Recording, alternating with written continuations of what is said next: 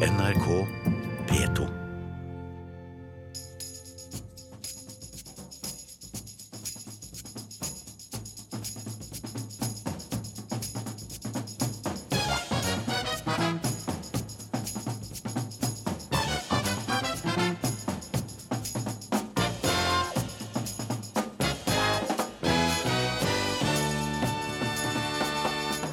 Du må gjøre motstanderne gode, mener barnefotballtrener, som foreslår at spillerne skal skyte med venstrefoten hvis de leder mye. Helt feil å ta spillet bort fra spillerne, svarer utviklingssjefen i Strømsgodset. Endelig får vi en superheltfilm med ei kvinne i hovedrolla. Men den vil flere boikotte. Men av helt andre grunner enn at hun er kvinne. Og glem julestria. Nå er det junistresset som er over oss. Eh, nå kommer jeg rett fra jobb. Eh, har sykla i øspøs regn og skal på avslutning på Aks.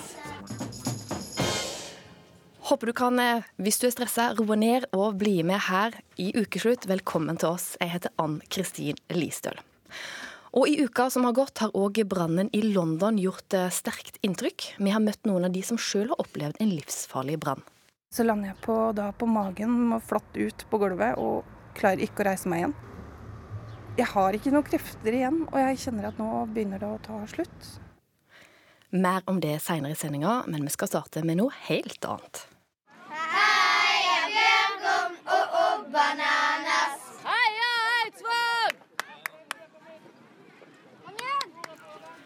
Dette er lyden av fotballcup. For akkurat nå så foregår den på Voss, den såkalte Voss Cup.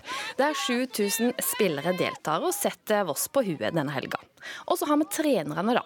De som gjør alt for at laget skal vinne. Men hva er den beste metoden der?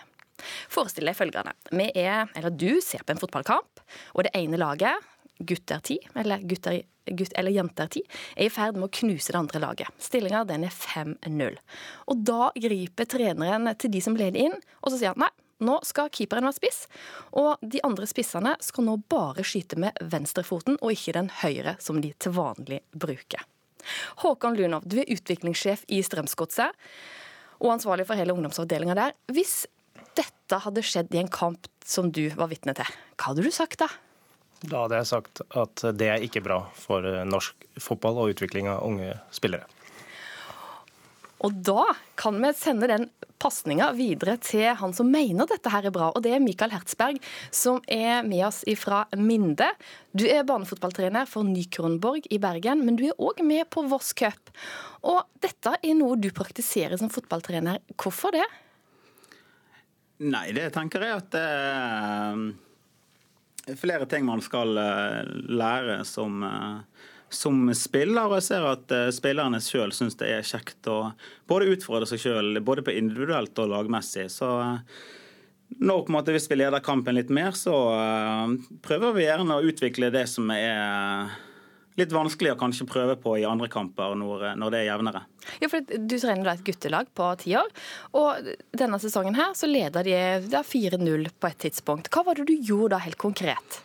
Nei, altså vi har jo vi har på en måte bygget inn en ramme på laget hvor alle har sine faste plasser på et vis. Men så ønsker ikke vi at alle bare skal spille én plass, men òg lære seg ferdigheter på de forskjellige plassene. Så gjerne har man en primærposisjon, og så har man noen sekundære posisjoner hvor du ønsker at, måte, at de skal lære alle plassene og på en måte spre seg rundt. og da da romrokerer vi kanskje litt sånn på laget at vi gjerne ikke er like gjerne ikke like krisp foran mål, men vi øver på andre, andre faser av spillet. Ja, og for eksempel da, Hvis spissen, da, som til vanlig bruker høyrefoten, bare må skyte med venstre foran mål, hva, hva, er det, hva, er det, du mener som trener at laget ditt oppnår med det?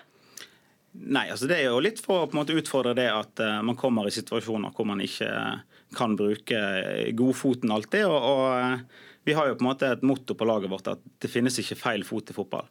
Så vi mener jo at den situasjonen man kommer opp i, så skal man ha de verktøyene og de repertoarene til å på en måte kunne ja, være best mulig i den situasjonen. Da kunne avslutte med begge bein, f.eks. Det er en av de tingene vi, vi, øver på. Altså bruke kampen til å bli bedre? Ja, kampen på å på en måte bli, bli bedre ha det kjekt. Og leken ligger selvsagt i, i grunn, det er jo klart. Men uh, ønsker jo på en måte å stimulere spillerne til å, å øve på det som kanskje er litt mer vanskelig da enn uh, til dagen Ja, Håkon Lunov, altså Strømsgodset ligger jo nå på 13.-plass i Eliteserien. Dere har ikke så mange lag bak dere. Du skal ikke ta inn noe her fra barnefotballtreneren? jeg tror det blir to veldig ulike saker. Det som jeg er opptatt av inn i forhold til påstanden, Jeg skjønner hvor man vil hen, men jeg mener at de elementene som blir diskutert her, handler om treningshverdagen. Det er det man må gjøre i trening. Altså i trening, men, ikke i kamp? Ja. For i kampen så er kampen er, er det der hvor man tester ut det man har trent på, og, og hvor man står hen i forhold til en annen motstander man ikke vet noen ting om. Jeg mener at eh, løsningene på de utfordringene som oppstår her, da, som er, er velkjent i fotball-Norge og i barnefotballen, så er det helt andre løsninger på et helt annet nivå eh, vi er nødt til å diskutere og snakke om enn, en dette her. Dette handler om eh, treningshverdag og treningsinnhold, og da kan vi ikke begynne å berøre spillet. Det er livsfarlig for utvikling av norsk fotball. Livsfarlig? Hva kan skje? Nei, altså Feillæring.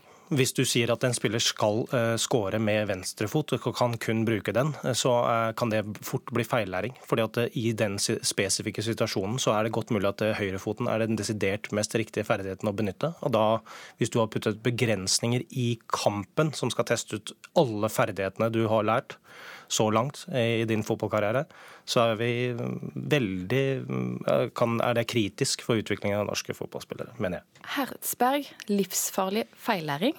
Ja, kritisk. Um, ja, det Altså han, poenget hans er at du heller bør gjøre det på trening og ikke kamp. Ja, men Poenget hans er jo på en måte at situasjonen skal bestemme. Og Der er jeg helt enig med han, for det, er jo hvilken situasjon spilleren kommer opp i. Og det er jo klart at, at Hvis man får en retur og man får den på venstre, så skal man sette den med venstre. Får man den på høyre, så skal man sette den på høyre. Men du har på en måte mange spillere som har godfoten og kun godfoten. Så når de får en, eh, får en ball på venstre som de kan sette i mål med venstre, så legger den gjerne over med høyre. Og da på en måte er det situasjonen som bestemmer over de, og ikke de som bestemmer over situasjonen. Men det jeg føler er så viktig her da, i den diskusjonen her, er at nå er vi veldig ned på detaljnivå i forhold til uh, læring av spillere. Eh, og jeg bare påstår at vi må ikke ta og røre kampen og spi, eh, altså spillet eh, når vi skal utfordre de spillerne på disse tingene. Det må vi gjøre i trening. Men det vi må jobbe for i norsk fotball, er at vi voksne og vi ledere tar ansvar for å diskutere hvordan vi skal legge til rette for bedre læring i kampen. For jeg skjønner at det er en problematikk hvis et lag leder 10-0. Eh, etter at det har gått 20 minutter. Men det handler om helt andre ting enn treningsinnholdet. Vi må trene på trening, og i kamp så skal vi teste ut de ferdighetene vi gjør. Og det må vi aldri ta bort. Det, hvis du går til alle andre nasjoner som er gode i fotball, så det er en læreregel for oss trenere som, eh, altså, som kan aldri ta spillet bort fra spilleren. Men for folk som ikke kan fotball supergodt, da, hva er forskjellen på å øve på dette her på trening og i kamp? Det er, jo ikke, er jo ikke noe forskjell. Du øver på det du har lært i kamp, men du må ikke fjerne reglene uh, fra spillet i spillet. Jeg skjønner jo at du som trener kan, kan trigge spillerne dine til å utfordre seg annerledes. I Spania f.eks., på et tidspunkt hvor stillinga er for stor eh, til slutt, så slutter de å telle mål. Sånn at det blir en mindre faktor oppi dette her. Men vi må, vi må ikke sette krav på spillerne eh, i forhold til hva de kan utøve i kamp. Det, det må vi ikke gjøre. Hertzberg, dette, her, dette, brenner du for. Du hadde et innlegg i Aftenposten om dette denne uka. her. Er du, er du såpass nyskapende at folk ikke har oppdaga tankene dine ennå? Ja, Det får andre vurdere. Eh, jeg ønsker å skape en, en debatt og på en måte diskutere barnefotballen med, med, noen momenter som gjerne ikke faller helt inn i kategorien breddefotball eller på en måte toppfotball, men ser på en måte hvordan vi, vi kan skape gode utvekslingsmuligheter mellom, eh, mellom lag i barnefotballen. Og um, Jeg mener jo det at man kan utfordre spillerne sine. Og Litt som, som Håkon Nybelund sier, dette må, bli, dette må, ikke bli, en hindring og en hemsko. Men det er jo ikke det det er ment som heller. Ment som er jo på en måte å, å utvide det repertoaret spillerne mine kan, både på trening og på kamp. Og da mener jeg på en måte at noen kamper så eh, gir det muligheter at vi kan øve på ting som, eh, som er litt vanskeligere, og som gjerne krever litt mer øving å, å, få til. Og eh, når man da leder med mye mål, så ønsker jeg jo gjerne på en måte da, å stimulere den type læring.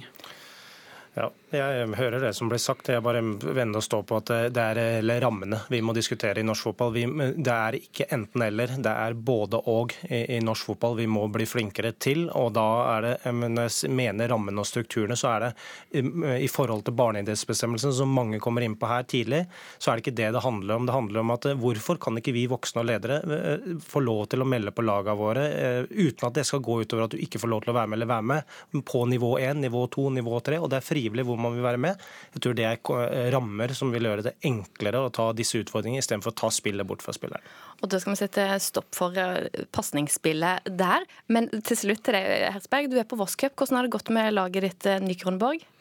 Ja, vi hadde én kamp i går kveld hvor det andre laget ikke møtte opp. Men da hadde vi et sporty brannlag som var ett år eldre som eh, stilte opp på kort varsel og nettopp hadde spilt kamp. Og vi spilte 4-4. og Det var en knakende gøy kamp hvor vi, hvor vi mest av alt eh, konkurrerte med å ha de beste målfeiringene. Og du leda ikke 4-0 og måtte spille med feil fot og Nei, så det ble 4-4? Det var en jevn kamp hele veien, så det er ingen, eh, ingen, grunn for å ta sånne grep i den kampen. Da sier vi lykke til videre på Voss Cup, og takk til deg, Mikael Hertzberg, barnefotballtrener, for at du var med, og Håkon Lunov, utviklingssjef i Strømsgodset. Og så sier vi til alle dere som er på Voss Cup, ha det gøy, spill fotball. Flammene som står ut av boligblokka i London. Den svarte, giftige røyken. Mennesker som prøver å redde seg ut. Brannen i London har gjort inntrykk denne uka. Minst 30 mennesker er døde, men fortsatt er mange savna. Og historien om det lille barnet som skal ha blitt sluppet ned fra tiende etasje, har òg gjort inntrykk. Ifølge øyevitner så overlevde flere barn på denne måten. Og brannen den vekker minner for Katrine Sommerheim, som tok imot nettopp et lite barn under en av de verste brannene i Norge etter andre verdenskrig. Vi eh, hadde vært på julebord og var på vei hjem, og kjente da at det, at det lukta veldig røyk. Og så stoppa vi opp utafor bygninga, og da bare ringte jeg på alle ringeklokkene med begge hendene. Katrine Sommerheim står utenfor Urtegata 31 i Oslo, på samme sted som hun sto 13.12.2008, da noen hadde tent på i oppgangen der. Så ser jeg da en eh, en mann som er kjemperedd og roper at kona hans er gravid. Og han eh, har en, et, et lite barn i armene sine. Så knyter han et laken i vinduskarmen og bøyer seg så langt ut som han klarer. Så står jeg der på mine stiletthæler, og så slipper han, og så, så fanger jeg han i armene. Så jeg bare Hei, hei lille venn, sa jeg. Husker du hva du, du tenkte av den følelsen idet det barnet kom flyvende ned ja. og i dine armer? Eh, for å være helt ærlig, så hodet mitt bare sto helt stille, og jeg tenkte bare at det her må jeg håndtere. Det er bare å fikse det her og nå. Man tenkte liksom ikke så veldig mye, man bare handla. Det er jeg jo veldig glad for i dag. På innsiden i den gule mursteinsgården fra 1890 har Siv Anita Haugane våknet av røyklukta. Jeg går rett til vinduet og åpner det opp, eh, og da kommer det flammer inn vinduet, så jeg lukker igjen det med en gang. Sivanita skjelver der hun sitter trygt hjemme i hagen og forteller om den dramatiske brannen som tok livet av seks personer. Eh, jeg åpner døra ut til eh, gangen, og der er det helt svart. En, en vegg av svart tjukkrøyk. Eh, og jeg bor i fjerde etasje, eh, så jeg kjenner at jeg blir eh, Jeg blir ikke redd, men jeg kjenner at nå er det alvorlig. Det er, det er her er ikke øvelse. Eh, så jeg ringer til 113, eh, eh, og de sier bare at jeg må komme meg ut, og at brannvesenet er på vei. Jeg krabber ut i gangen. Så har jeg øynene igjen, fordi det er ikke noe vits i å ha de oppe. Det er såpass mørkt. Og krabber til Treffer døra til hovedtrappeløpet. Og når jeg åpner den, så får jeg får annengradsbrød forbrenning på hånda, for klinka er så varm. Og da ser jeg at det er fullt av flammer eh, nede i trappeløpet. Um, så jeg lukker igjen døra og tenker OK, da går vi andre veien. Um, og da veit jeg at jeg på Hvis jeg krabber bare rett fram og skaller huet i um, døra, heisdøra, så har jeg trappeløpet, det andre trappeløpet på, på høyre side. Og da når jeg kommer dit, så reiser jeg meg og skriker så høyt jeg kan. Eh, hjelp. Eh, hjelp meg. Og kaste meg ned første trappa. Eh, litt sånn James Bond-aktig. Bare, bare få komme så fort som mulig, for jeg vet at jeg har mista så tid ved å krabbe andre veien først. Eh, og når jeg da ramler ned i tredje etasje, så lander jeg på, da på magen og flatt ut på gulvet og klarer ikke å reise meg igjen. Jeg har ikke noen krefter igjen, og jeg kjenner at nå begynner det å ta slutt. Eh, og jeg blir egentlig fly forbanna. Eh, veldig sinna for at det er sånn det skal ende. Her hører vi fra redningsarbeidet. Flere tar seg desperat ut gjennom vinduene, forteller Katrine Sommerheim, som sto på gata. Eh, jeg ser den, den takrenna her. Var noen som klatra. Han hengte seg ut av vinduet og fira seg ned der, i boksershortsen. Fanget i branntrappa har Siv Anita brukt opp alle kreftene. Eh, jeg tenker på mamma og pappa og uh, familien min og den beskjeden de skal få. Eh, og det gjør at jeg klarer på en eller annen måte å samle de aller siste kreftene. Eh, sånn at jeg klarer å dra meg da mot trappa ned til andre etasje og bare bikke meg over kanten, sånn at jeg bare ramler ned. Og der, eh, der ligger det jo en til. Så husker jeg at det da klarer jeg ikke lenger. Da, da bare ligger jeg der, prøver å skjerme ansiktet og sånne ting godt innat veggen. Um, sånn at jeg får minst mulig røyk uh, til ansiktet. Um, og etter en stund så hører jeg tunge, tunge skritt i trappa. Uh, og da er det vel sånn at jeg tenker at nå, endelig, nå, nå kommer det noen. Uh, og da tror jeg det en sånn, var en sånn respons i kroppen, at den slappa helt av, og da ble jeg borte. Så jeg husker ikke at de bærte meg ut. Eh, men jeg husker øynene til en av brannmennene eh, når jeg ligger ute på, i bakgården der. Eh, og de blå øynene kjente jeg igjen eh, flere uker etterpå når jeg så bilde av alle brannmennene i avisa. Så det er han. Hun var så forgiftet av CO2 og cyanid at man ikke trodde hun ville overleve. Nå tenker hun på alle som døde i storbrannen i London. Jeg vet jo hvordan veldig mange av de har hatt det. Eh, det å krabbe rundt i, i sånne ganger og prøve å komme seg ut. Og hvordan det føles, den røyken.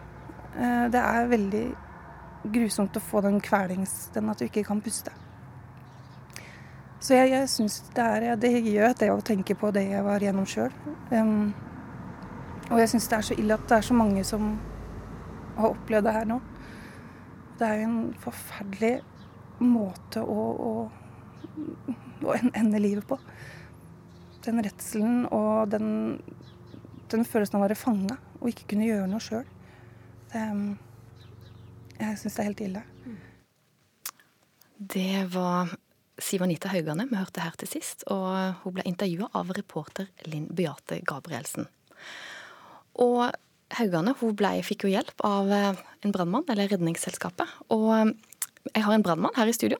Jens Erik Lauritzen, du er brannmester i brann- og redningsetaten i Oslo. Det vi hører her, denne, her, denne giftige røyken, hvor farlig er det å gå ut av oppgangen og møte den? I en brannsituasjon så er jo denne røyken det vi er mest redd for. Og hvis man kan unngå å gå ut av leiligheten sin eller det rommet man er i, hvor det ikke er brann, så oppfordrer jeg at de skal bli der og ringe 110 og informere om at de er der. Helst ikke gå ut imot røyken, som er eh, meget skadelig, og som vi hørte i reportasjen her, som gjør deg sløva. Du mister også evnen til å kunne kanskje redde deg sjøl ut. Ja, for at, det er jo lett å tenke. Jeg tenker ok, hvis det brenner, ja, da vil du jo bare ut. Og så tenker du jeg bare trekker pusten dypt, og så springer jeg. Ja, du... Hvorfor ikke gamble på det? Sånn vil nok de fleste tenke. Eh, det er det som er utfordringen med denne brannrøyken. At vi vil ikke merke den. Og noen åndedrag, som hun sier også her, det er nok til at vi blir sløva og detter om. Det var jo det som skjedde med denne jenta også, men hun ble heldigvis redda da i siste sekund. Og eh, Derfor er vår oppfordring da at vi må ha god deteksjon i forhold til at vi har røykvarslere, har ting som varsler oss tidlig, og som kan bidra til at vi blir tidlig varsla hvis en brannsituasjon oppstår. Jeg tror veldig mange dessverre ikke er flinke nok til å kontrollere sitt eget utstyr. Og at de ikke er helt sikre på om alt virker, og at vi har det egentlig der vi trenger å ha det.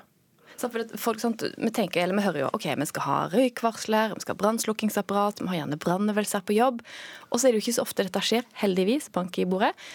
Men når det da skjer, og du står enten om du er i leiligheten din i femte etasje hvis du bor i det, eller om du er på ferie og er i et hotell på sjette etasje, og så brenner det. Hvordan vet du om du skal bli værende, eller om du skal gå ut?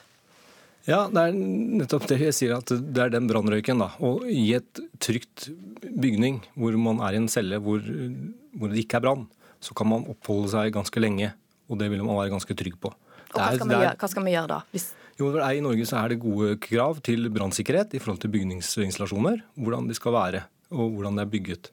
Og Hvis man da, er høyere oppe i en etasje og det er brann, som jeg sa i stad, jeg oppfordrer til å ringe 110, som er til brannvesenet, og informere hvilket rom man er på.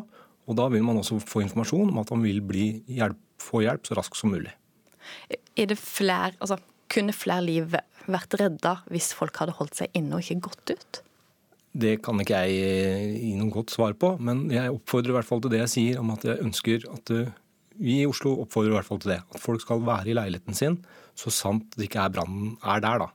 Og, og, hvis det kommer ut igjen f.eks. en oppgang, gang, hvor det kanskje er mye røyk, så kan det da være en stor utfordring. Og hvis du åpner døra, så er det mye røyk der. Da lukker du døra og går inn og lukker vinduer og ringer 110? Ja, det er det jeg oppfordrer til, og det, det, må, det er det man må være flink til å gjøre. Men hvis du først har kommet ut, da, og du går deg litt vill, hva gjør du da?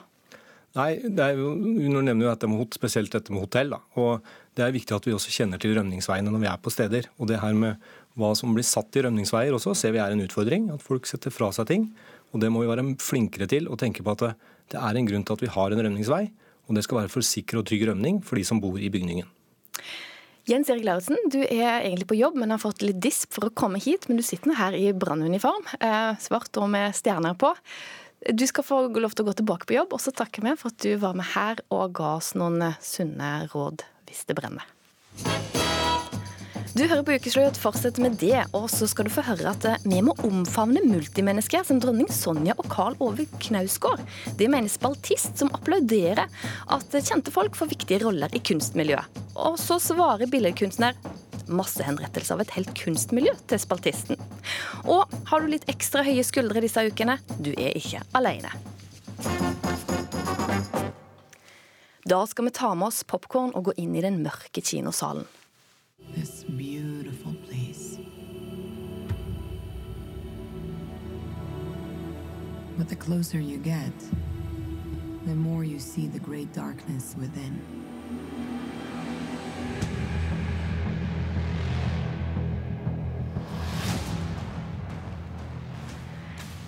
For i går kveld hadde storfilmen Wonder Woman premiere her i Norge. En film som omsider har en kvinnelig superhelt, og som òg har fått gode kritikker. Men i den mørke kinosalen i går, der satt ikke du, Mina Adampour, som er samfunnsdebattant. Og du har heller ikke tenkt å sitte der, for du boikotter filmen. Hvorfor? Nei, det gjør jeg fordi hun har ytret seg i et svært inhumant uh, ordelag overfor de palestinske ofrene til Gaza-invasjonen, den siste i 2014. Og jeg syns at det er ganske problematisk som en som ønsker et fritt Palestina, å se på at uh, man bruker stemmen sin så ensidig, spesielt når man har en internasjonal posisjon som hun har. Og vi snakker da sant, om hovedrolleinnehaveren Gal Gadot, som er fra Israel og som da, eh, ut fra det du sier, er grunnen til at du boikotter. Men Elling Borgersrud, kjent fra rappgruppa Gatas Parlament, ja, og òg ei kjent stemme fra ytre venstre i Norge, som ja, du er kjent for egentlig å boikotte litt, du òg, men ja, nå vil du ikke boikotte? Jeg eh, vil boikotte Israel, og jeg syns at eh, alle burde boikotte Israel. Og jeg støtter eh, Eh, det er jo egentlig to kampanjer. altså Det er den eh, som heter BDS, som er, som er internasjonal boikott israelske varer. Og så er det den som heter Akulbi, som er akademisk og kulturell boikott av Israel. Av staten Israel er egentlig hele navnet. Og den eh, har vi skrevet på i Gatas parlament og oppfordrer folk til å boikotte den. Eller boikotte staten Israel. Men dette er ikke et israelsk produkt. Dette er et helt vanlig Hollywood-produkt. Eh, som har en, en eh, sionist i, som en av de sentrale hovedrolleinnehaverne. Men filmen er produsert av hundrevis av mennesker. Historien har absolutt ingenting med Israels okkupasjon av Palestina å gjøre i det hele tatt. Det tror jeg alle er enig i. Eh, Den er 70 år gammel og har vært utvikla Ikke sant. Så det er eh, Jeg mener at det ikke holder for å boikotte. Og hvis man eh, Altså den teksten som vi har skrevet under på, som er akademisk og kulturell boikott av staten Israel, er Altså det innebefatter alt som har med statlige israelske institusjoner å gjøre. Dette her er verken eller. Så du mener at dette er innafor? Adam Poor, hvorfor Dette er en Hollywood-film, skikkelig blockbuster. Det er superkommersielt. Ja, ja, og som feminist så er det jo hadde vært en kjempefilm å faktisk støtte og se. Men denne boikotten av filmen handler på en måte ikke om at hun er fra Israel. Jeg har israelske venner, jeg har vært i de okkuperte palestinske områdene. Men det er det grunnleggende i det hun sier, som også er vrangforestilling av hva som er virkeligheten i eh, Palestina i dag. Og det hun sa, var at eh, hun støtter og sender sin kjærlighet og bønner til Eh, israelske eh, borgere som da blir utsatt for de eh, feige handlingene til Hamas, som gjemmer seg bak kvinner og barn. Og akkurat den siste setningen er så viktig å merke seg, fordi det Amnesty, det Human Rights Watch, det Betzelem og Break the Silence, som også er israelske menneskerettighetsorganisasjoner, faktisk har dokumentert, er jo at det er israelske okkupasjonsstyrker som har brukt barn og sivile som menneskeskjold. Men dette nevner hun ikke. Og tvert imot så prøver hun å fremstille det som om det er eh, den parten som da eh, gjør motstand, som har gjort dette. Og det er ganske spesielt når du bruker en internasjonalt eh, anerkjent posisjon som skuespillere har, da til å eh, si til eh, verdens befolkning at sannheten er det motsatte av det den faktisk er. Og så kan jeg si at Nå kan nok hende at en god del av lytterne våre kanskje på ingen måte boikotter i det hele tatt, og ikke skjønner den interne boikottkonflikten som er på venstresida, kan vi si. Men, men hvis vi følger godt til deg, da, Borgersrud. altså, mm hvor, altså, er du litt prinsipplaus hvis du ikke går for alt? Altså, skal du boikotte, så må du boikotte. Nei. Eh, eller eh, jo, jeg er enig i det du sier nå. Men eh, jeg, jeg, mener at det er eh, Mina Adampour som er prinsippløs. Fordi jeg følger det regelverket som er satt ned av boikottkampanjen. Mens her legger, vi, legger hun til tilleggs... Eh, eh, tilleggsting vi skal boikotte basert på hva Libanon eller Ja, fordi Libanon og Libya har forbudt filmen. Ja, det kan si. Libanon har forbudt filmen. sant? Mye trøbbel der. Men ja, Adam driver du og utvider boikottbegrepet og trekker stadig flere ting inn i det? Nei, altså jeg tror ikke at det at jeg ikke ser filmen eh, er å utøve stor forbrukermakt heller. Når Libanon nevnes, så må det jo også sies at eh, Libanons befolkning består av 10% palestinske flyktninger. Eh, disse lever under stor fattigdom. Av de fem landene i Midtøsten som har palestinske flyktninger, så er faktisk de som er i Libanon, de som blir dårligst behandlet. Så dette er symbolpolitikk fra Midtøstens ledere, som har det har gjort en sport ut av å fokusere på andre ting, så vi ikke fokuserer på hvor dårlig de faktisk behandler sin egen befolkning. Så Libanon er noe helt annet. Men det at uh, Gal Gadot her da uh, velger å spre israelsk kjent propaganda om at det er palestinerne som er under okkupasjon, som er inkarserert i Gaza, som bruker eh, menneskeliv som skjold, når det faktisk er den sterke part som er bevist og har gjort det, så er det helt på nivå med Trump sine vrangforestillinger og fordreininger av fakta. Og det er det jeg reagerer på. Sånn, og, sånn, og, nå legger du til grunn tweets fra henne. Men hvis du skal følge det, da, det er jo ganske mange skuespillere som tweeter ulike ting. Blir det vanskelig å ettergå hva alle folk har tweeta, for å finne ut om du kan boikotte eller ikke? Ja, altså, Hun la ut et bilde av seg selv og sin familie eh, hvor de ba, så det var litt mer enn en tweet. Men BDS-bevegelsen er helt riktig, sånn som Borgersrud sier. Den fokuserer på å boikotte de som fremmer israelske interesser. Men jeg mener at når hun fremmer den faktafordreiningen den israelske stat også propaganderer, om at det er de de okkuperer som bruker mennesker i skjold, når det er bevist gang på gang av FN, Amnesty, av Human Rights Watch, av menneskerettighetsorganisasjoner som Betzelem og Break the Silence, som selv består av tidligere kolleger av Gal Gadot i IDF, som er den israelske okkupasjonsmaktens eh, militærvesen, så mener jeg at det er for grovt til å bare eh, se forbi og så applaudere at man har en kvinne i en eh, kvinnefilm.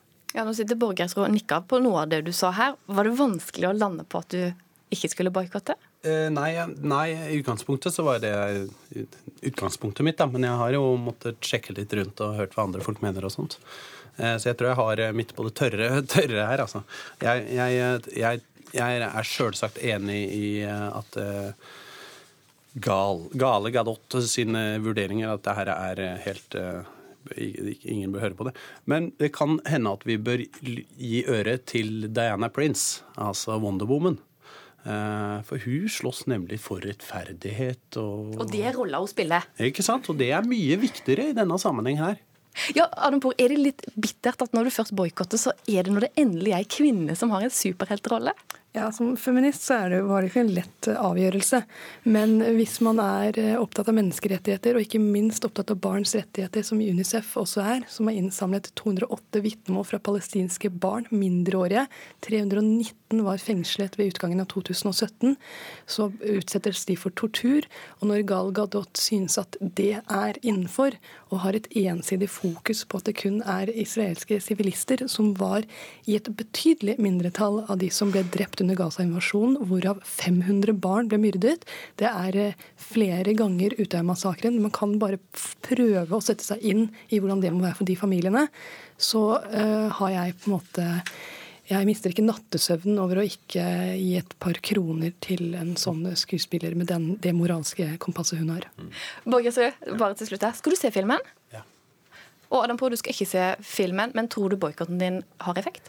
Vi vet at BDS-bevegelsen har hatt effekt. EU har gått inn for boikott av israelske varer. Og denne eh, lille kampanjen ført eh, her har jo også ført til oppmerksomhet. Og radioens lyttere kan jo gå inn og lese mer om eh, hvilke effekter man selv kan ha altså med forbrukermakt. Det sier vi takk til deg, Mina- Mina Adam Poor, for at du kom hit, og Elling Borgersrud. Og uansett hva slags film dere skal se, god film!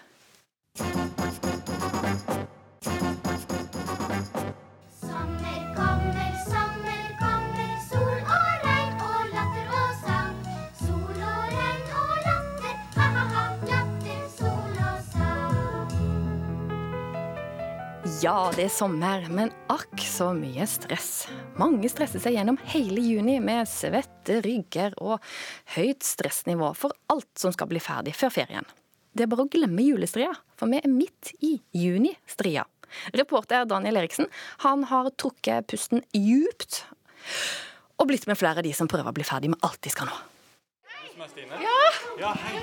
Daniel, god dag. Koselig. Jeg bare Gud, hvor kan tiden vet ikke. Måtte gå og spørre noen. Eh, nå kommer jeg rett fra jobb. Eh, har sykla i øspøs regn og skal på avslutning fra AKS. Litt forsinka, men bedre sent enn aldri. Jeg må se om jeg finner ungen min. Blogger og mamma Stine Pedersen Kalbom løper rundt med vilt blikk og klissvåt jakke på Majorstua skole. Hvor er sommeravslutninga? Man får jo lite informasjon. Jeg så det tilfeldigvis på Facebook, liksom. Ingen mail, ingenting. Prøver her. Første oppdrag er å finne barna sine i mylderet av sukkerhøye unger. Pulsen stiger. Men så, endelig. Hei! Der er dere. Der var de. Kalbom er en av mange foreldre som opplever juni som årets mest stressende måned. Det er avslutninger på jobb, sommerfester, kaker som skal bakes, kjoler som skal strykes, og denne avslutninga på AKS ble bare litt for mye. Jeg har akkurat ringt svigermor. Bare Gud, krise! Det er avslutning, dere har ikke fått det med meg. Du er nødt til å stille opp. Så bare så jeg for meg at alle foreldrene kom liksom med fotapparat og flagg og konfetti, og jeg liksom skulle sitte på jobben. Fordi man rekker ikke alt. Nå skal AKS-koret bare synge ferdig, så kan hun endelig slappe av. Og så er det bare å senke kortisolnivået og legge beina høyt når man kommer hjem. Og puste med magen, og så er det på'n igjen i morgen. Du skal høste det du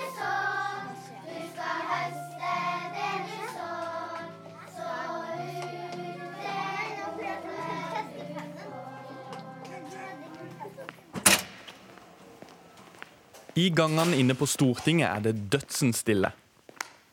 Den eneste lyden er raske skritt over den blanke parketten. Skrittene tilhører Høyre-politiker Kårstein Løvaas. Jeg tror det er samme på Stortinget som det er veldig mange steder. At uh, vi mennesker er jo sånn at vi trenger ikke tid, vi trenger en frist. Og fristen er jo at uh, ferien står for døren, og så skal alt gjøres unna. Eh, alt skal eh, ordnes før ferien, og så hoper det seg opp på slutten fordi vi er ikke flinke nok eh, tidligere på året. Så det er vel det samme som på en arbeidsplass eller hjemme i haven eller andre steder, at vi utsetter det litt lenge, og så blir det stress på slutten. Løvaas sitter i familiekomiteen på Stortinget og prøver å få sine saker gjennom før ferien. Det er ikke alltid like lett når man har familie. Det å gå på en fotballtrening eller, eh, eller være med på en vitnemålutdeling, det er ikke grunn til å få fri på Stortinget. Så eh, jeg og andre har jo sittet her og, og vært litt eh, ja, hatt tankede på fotballbanen og tenkt at nå skulle jeg gjerne vært og sett sønnen eller datteren der, mens man har sittet her og jobbet. Og, sånn er det. Men det er en del av plikten ved å være stortingsrepresentant, og, og det går greit. Vi kan ikke, kan ikke sutre over det. Og vi får tid og tar det igjen på andre områder. Hvilken stri syns du er verst? Junistria eller julestria? Hvis du spør meg i juni, så er det helt klart junistria. Men hvis vi snakkes igjen i desember, så vil jeg si desemberstria. Må, må, må, må, må, må skynde meg å gå, gå, gå, gå, gå, gå, slik at jeg kan nå, nå, nå, nå, nå siste bussen hjem. Ja, min juni er i hvert fall eh, veldig hektisk. Stortingspolitiker Kristin Vinje støtter sin partikollega og sier at årets juni er den verste på lenge. Og så vil jeg si det er ekstra spesielt i år, fordi at det også er slutten på en stortingsperiode. Så da er eh, alle opptatt av å få sakene sine igjennom, både fra regjeringen og fra representantene. Vinje sier hun er helt avhengig av å hente inn litt ekstrahjelp. Ja, det er i hvert fall eh, lurt å planlegge med, med ektefellen sin eller partneren sin. Og bruke familie og venner og, og prøve å sørge for at eh, man har fri de dagene man vet at det blir travelt.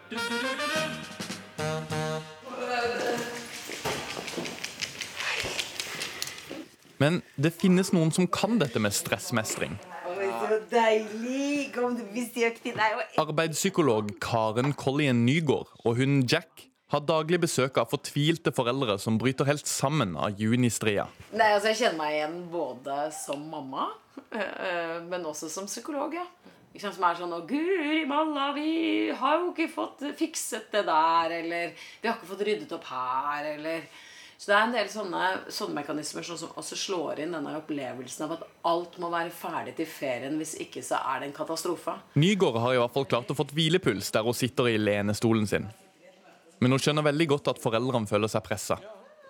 Ikke bare av barna, men av konkurransen om å være den beste mammaen og pappaen. Eh, fordi jeg tenker jo at du ser bare andre mennesker i øyeblikk. Ergo så risikerer du å føle deg som en taper på alle felt. For det er utrolig mye altså sånn sosialt eh, gruppepress på voksennivå. Eh, men når vi nå er oppe i juni og oppe i kaoset, så tenker jeg at det handler om å prøve å senke skuldrene litt. Senke ambisjonene litt. Behøver ikke å bake alle kakene. Eh, Det fins folk som har det som jobb å bake kaker. Det går an å gjøre enklere valg. Eh, Og så bare akseptere at dette er en periode hvor også prestasjonen hos de fleste av oss gradvis synker. Jeg sykler som en eh, vind oppover Slottsparken. Kalbom svetter lett når hun møter meg og småjogger opp trappa. Nå er det middag med svigers. Ja, bor du hos svigers. Ja, hei. Kalbom har fulgt rådet til politikerne vi snakka med tidligere, og skaffa seg ekstrahjelp. Det er helt sant, det kan du være med på. Jeg har henta tre, ja. Du har tre, ja. Jeg begynte på Ulle, i Ullevål Hageby. På sykkel. Men altså, du merker jo junistria, du òg. Ja, selvfølgelig. Ja. Det Fordi altså, de avslutningene og de tingene som ikke jeg kan ta, det tar da hun. Og hun sant, lager maten og sant, For det er jo ikke alt jeg rekker. Vi bor så lagelig til. Så lagelig til for hogg. I kunstmiljøet så ble det skikkelig liv da dronning Sonja fikk stille ut eh, under gjenåpningen av Kode i Bergen. Flere tok til orde for ja, dette var ikke godt nok, og så ble det igjen debatt om hva som er bra nok kunst. Andre har igjen kritisert at Karl Ove Knausgård, som er forfatter, blir valgt til å sette sammen og lage Edvard Munch-utstilling. Men så da, så blanda plutselig samfunnsdebattant Knut, Knut Olav Åmås seg inn i det hele, og kritiserer de som kritiserer, i en kronikk i Aftenposten. Og Knut Olav Åmås, eh, en del kjenner deg som direktør i Fritt Ord, men det er ikke pga. den rolla du er her nå, for du uttaler deg som spaltist. Og du mener at vi må omfavne det du kaller multimennesker, som dronning Sonja og Karl Ove Knausgård. Hvorfor? Omfavne og omfavne. Dronning Sonja og Knausgård greier seg nok sjøl. Men jeg syns det er fint av eh, Kunstmuseet Kode i Bergen og Munchmuseet å slippe til eh, eh, sånne figurer som de. Vi, noe av det beste ved samfunnet vårt er at det er svært profesjonalisert og spesialisert, og med vekt på kompetanse. Av og til dukker det opp mennesker som, som har litt dobbeltkompetanse og driver og går litt på tvers. Og det mener jeg vi trenger. En, en åpenhet og en lekenhet i et, eh, i et uh, samfunn som er preget av strenge båser på mange måter. Men hva er det du mener at de eh, bommer på, billedkunstnerne, når de nå kritiserer? Nei, altså, jeg, jeg er jo en generalist og ikke en spesialist. Jeg ser forskjellige miljøer fra, fra utsida. Forskjellige eh, typer fag eh, og sektorer fra utsida. Og, og da slår det meg at eh, takhøyden og åpenheten for eh, f.eks. det jeg kaller multimenneskene, som eh, driver med flere ting, kunne, kunne vært større i en del steder, og også i billedkunstmiljøene, som ikke framstår for meg sett utenfra som spesielt eh, sjenerøse og åpne. Og da skal vi vel slippe til billedkunstner Wenche Gulbrandsen. Altså, det gikk bare noen dager her, så kom du med et svar. Og du mener Åmås kommer med massehenrettelse av et helt kunstmiljø? Ja.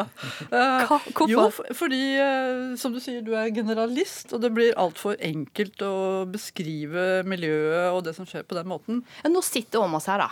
Du kan se han inn i øynene. Hva vil du si til han? Ja. Nei, bare, Nei, det er jo mange ting jeg øh, kan si knyttet til det som han, øh, det som han øh, øh, skrev. Blant annet dette med fornyelse. At fornyelse kommer fra amatørfeltet. Altså, Det begriper jeg ikke i det hele tatt. Fordi øh, all fornyelse, store delen av fornyelsen i billedkunstfeltet kommer jo Eller ikke bare det, da, men øh, alle felt kommer jo fra folk som har kompetanse på sitt område. Og det er ikke noe fryktkultur her, redd for liksom å trå utenfor rammen og sånn. Kunstnere er utrolig selvstendige, og spesielt de gode kunstnerne. De er frie mennesker, ikke, ikke lukket inn av frykt og, og redd for å ikke få stipend hvis de hever en stemme. Jeg kjenner ikke dette miljøet igjen sånn. Åmås hun kjenner seg ikke igjen, og som hun skrev i kronikken, hun mener at du kom med en massehenrettelse. Hvordan opplevde du det? Ja, jeg syns det var en, en voldsom overreaksjon, og, og ble litt forundra over, over det ordvalget. Eh, Men altså, Wenche Gulbrandsen ser jo eh, kunstmiljøet innenfra som en sentral utøver, og, og det er helt sikkert mye jeg ikke ser, ser der. Det er jeg helt, eh, helt innforstått med. Men eh, det jeg prøver i min artikkel om de lekne multimenneskene, er å se flere miljøer utenfra.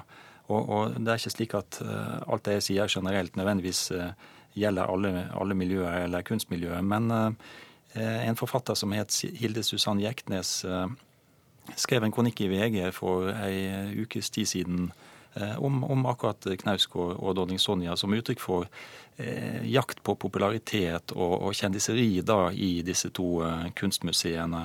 Og det var det som fikk meg til å tenke litt videre og reagere og, og eh, etterlyse mer åpenhet og porøsitet eh, i institusjoner og, og fagmiljøer da. For det, det skal jo bare være unntak. Eh, Profesjonalismen og spesialiseringen er det som styrer det meste. Nå er ikke Jeknes her til å svare på det, men du er Gulbrandsen. Eh, ser du det poenget med at eh, her er det at man går etter hva som er mest populært, og ikke hva som er best kunst? Å ja, det er ikke noe tvil om det i disse tilfellene her. At det er en eh, absolutt viktig ledetråd. Altså Jeg kan bare nevne at eh, den, det som er festbilledutstilleren i år, Jan Groth, på, eh, åpnet jo samtidig med dronningen. Og, og det, der vil jeg også hinte litt til pressen, for det var seks ganger så mange journalister på dronningens åpning enn på hovedutstillet Jan Groths. Sånn er jo dette miljøet. Altså, Men hva hvis det å slippe til ei dronning som kan en del om kunst og uh, lage ting sjøl òg, fører til at kunsten blir folkeliggjort og at flere møter opp? Kan det være bra? Altså, Jeg vet ikke om kunsten blir folkeliggjort hvis du stiller ut en dronning. Men flere kommer fordi at det er hun som stiller ut?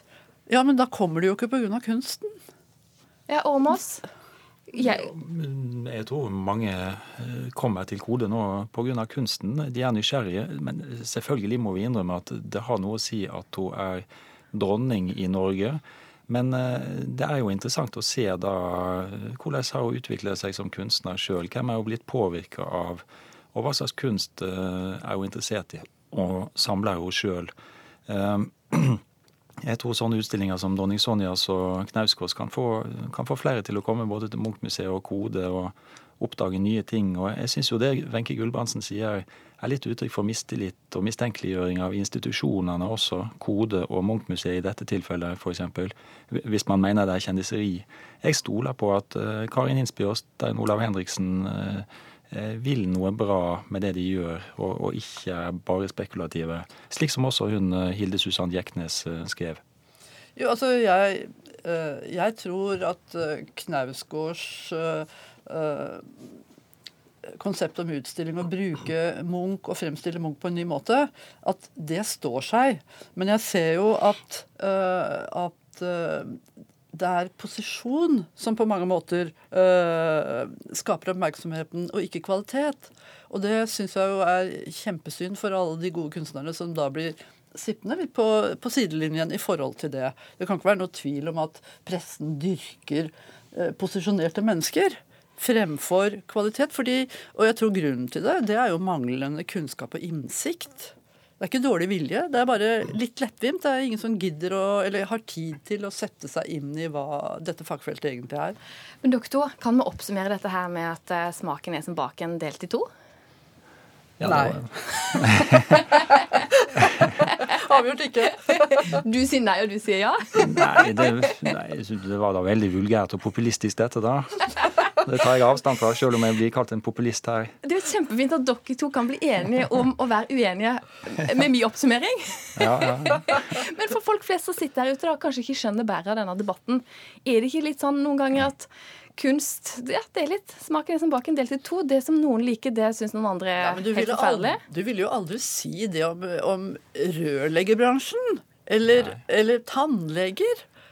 Altså, det er jo snakk om kunnskap. Du vil jo aldri gå til en som er hobbytannlege. For å få reparert et hull. Altså, det er jo snakk om, om å respektere profesjonalitet. Og du nevner jo dette ordet dogme. Hva slags dogme er det? Jeg kjenner ikke Altså, Det finnes 10 000 dogmer og det er, i dette feltet, og da er det ikke dogme lenger. Vi måtte komme og invitere dere tilbake og snakke mer om det en annen gang. Wenche Gulbrandsen, billedkunstner, og Knut Olav Åmås, eh, spaltist i Aftenposten. Takk for at dere var med i denne debatten.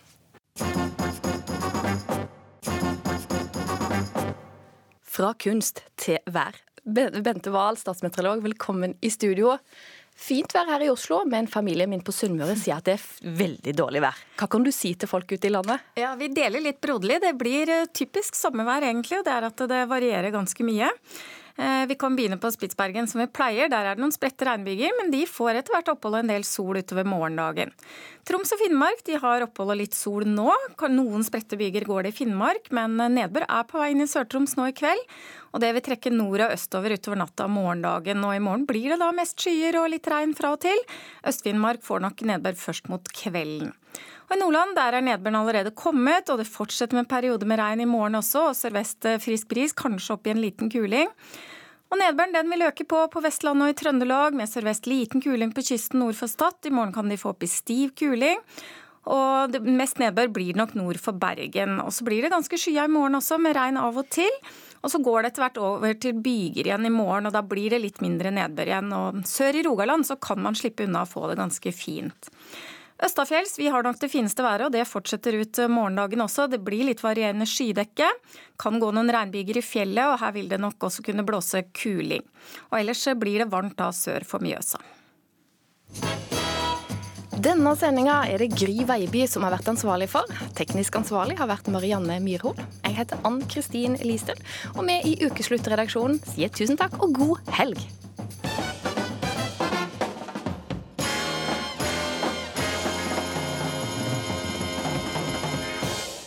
Hør flere podkaster på nrk.no podkast.